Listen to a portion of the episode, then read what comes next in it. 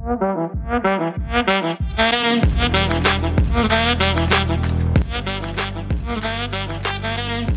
ljudi, ja sam Leana i dobrodošli u 11. epizodu podcasta Nedozvoljena. Današnja tema je malo manje kontraverzna i malo manje tabu i malo manje šokantno foto-video ali jeste nešto što je deo naše svakodnevnice i mislim da je jedan jako bitan faktor u svim odnosima u kojima se nalazimo, bez obzira da li pričamo o prijateljskim, ljubavnim, porodičnim, poslovnim, šta god vam padne na pamet. Dakle, današnja tema je iskrenost. Iskrenost u, u odnosima u kojima smo i iskrenost prvo i osnovno prema sebi u vezi naših potreba, kako taj odnos treba da izgleda, u vezi onoga što mi zaista možemo da pružimo i ono što možemo da damo i ono što želimo da tražimo tražimo, kako mi uopšte zamišljamo da se taj odnos razvija, napreduje i funkcioniše. Ono što me je podstaklo na ovu temu jesu neki prijatni i manje prijatni razgovori koje sam vodila sa nekoliko dragih ljudi u poslednjih nekoliko nedelja. Kao što rekao, nisu baš uvek bili tako lagani i, i prijatni, ali mislim da su zaista bili neophodni.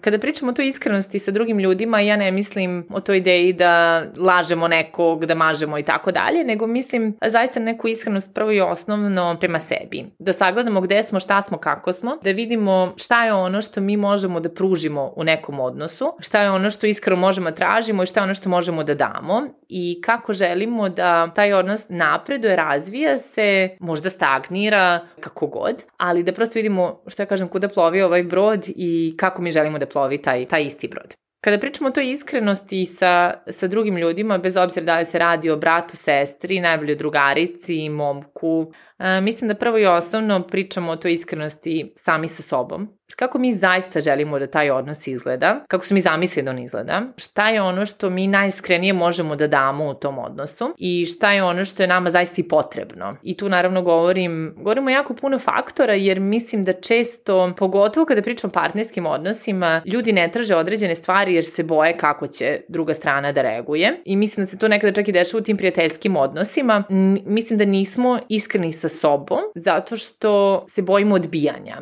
i bojimo se da će ta druga osoba burno da reaguje, da neće umeti da nas čuje, da prihvati, da će nas odbiti, u krajnjem slučaju da će se i odaliti od nas i da će možda u nekom momentu u toj ljutnji, besu i povređenosti odlučiti da više ne bude u odnosu sa nama. Nebitno da se radi o momku devojci ili se radi o najboljem prijatelju, poznaniku, komšinici, mici, o kome god pričamo. E, međutim, ono što negde kao podlačim i što smatram da je, da je mnogo bitno da ako ćemo zaista da imamo prave i kvalitetne i dobre odnose u našem životu, prvo i osnovno pravilo je da moramo da budemo iskreni. I da zaista sednemo sa sobom i da kažemo, ok, jebote, šta je ono što ja hoću i da to iskomuniciramo drugoj strani i da njima damo priliku da i oni budu iskreni. Možda ono što mi želimo nije ono što želi ona druga osoba. I kažem, mi smo se često, ti razgovori ne dešavaju iz straha, jer ako ja iskomuniciram to, a ta druga osoba ne želi da to tako funkcioniše, mi ćemo se rastati. Međutim, ono što, što jeste istina je da vi već nemate potpuno autentičan i iskren odnos. To može tako da traje, ali ako zaista želimo neku dubinu i ako zaista želimo da taj odnos bude jedna ozbiljna povezanost na nekoliko nivoa,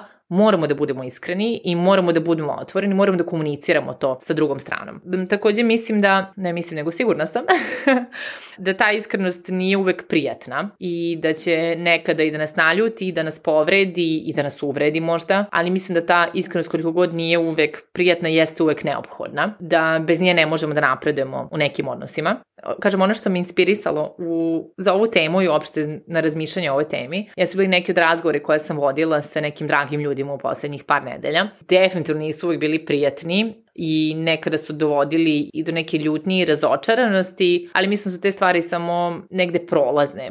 Jedan razgovor koji sam vodila sa, s jednom vrlo dragom prijateljicom jeste bio to da je ona meni iskomunicirala da me mnogo voli i da se mnogo draga, ali ona želi da naš odnos izgleda drugačije i da ta dinamika bude drugačija. Znači njena iskrenost je meni dala priliku da kažem ok, ja to mogu tebi da pružim i možemo da radimo na tom odnosu ili ja to tebi ne mogu da pružim, žao mi je, mogu da ponudim ovo, pa da vidimo kako će ta dinamika funkcionisati. Mislim da je mnogo bitno da, da se te stvari komuniciraju pogotovo u prijateljskim odnosima, da se one ne podrazumevaju i samo zato što mi je neko najbolji prijatelj ili jako blizak prijatelj da ne očekujemo da oni mogu da čitaju vaše misli i da, da se ponašaju u skladu sa onim što je vama potrebno, nego da te stvari zaista moraju da se kažu, da to nije samo u partnerskom odnosu, nego i prijateljski odnosi moraju isto tako da se razvijaju.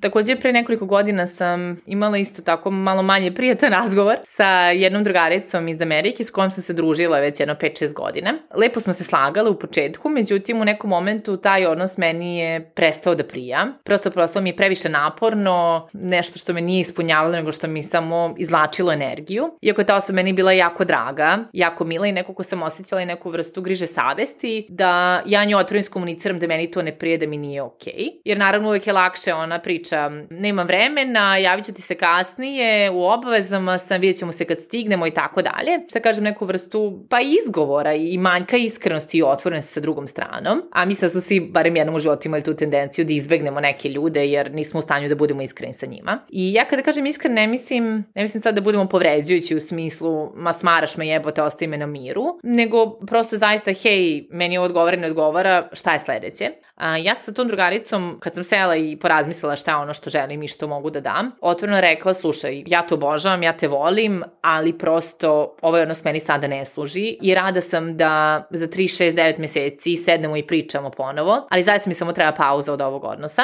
Tu sam naravno šta god ti bude trebalo, ali umeđu vremenu mi stvarno samo treba prostor. I koliko god je ta razgovor bio i tužan i težak i neprijatan, jeste bio kvalitetan. I ona je bila puna razumevanja za sve to i rekla mi da je to povredilo, ali prosto razume, ok, podržava. I mi smo zaista jednog godinu dana napravili pauzu od tog prijateljstva. I onda smo se ponovno spojile i ja sam imala utisak da je to prijateljstvo bilo mnogo jače i mnogo kvalitetnije. Upravo zbog toga što smo iskomunicirale te stvari, ali isto tako što smo imale razumevanje jedna za drugo.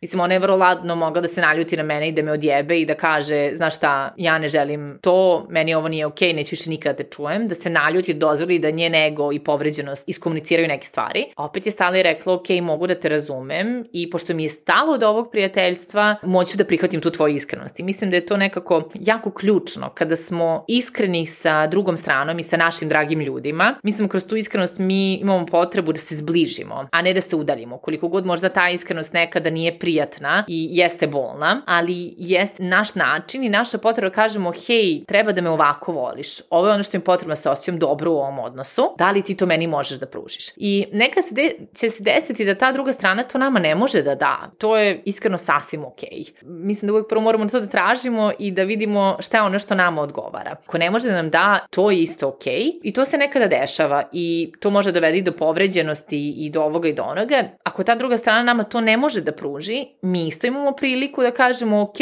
ja mogu da se zadovoljim time što ti meni daješ ili pak meni to nije dovoljno da se ovaj odnos nastavi ako nemamo taj inicijalni iskreni razgovor ni s jedne i s druge strane, onda nikada zaista ne znamo šta se tu u potpunosti dešava, koje su potrebe, koje su očekivanja, na koje načine sve taj odnos može da raste. Ja zaista mislim da kada smo potpuno iskreni, mi otvaramo prostor za jedno duboko povezivanje sa tom osobom. Mislim da tu tek onda otvaramo prostor i da budemo ranjivi i da budemo odbijeni i da budemo prihvaćeni, ali prvo je osnovno da budemo iskreni prema sebi i da ispoštujemo sebe i svoje potrebe, a sam samim tim i da taj drugi odnos ispoštujemo i da damo prilike da se on razvija na neke skroz druge nivoje na koje smo verovatno do sada i, i navikli. I kao što rekoh, ta iskrenost nije uvek prijatna, nije uvek lepa, nije uvek šalala, nekada je baš jebena, nekada će nas i boleti i plakat ćemo i bit ćemo povređeni, uvređemo, neko drugo ćemo povrediti, ali mislim da ako su ti ljudi zaista kvalitetni, ako rade na sebi, ako su svesni sebe,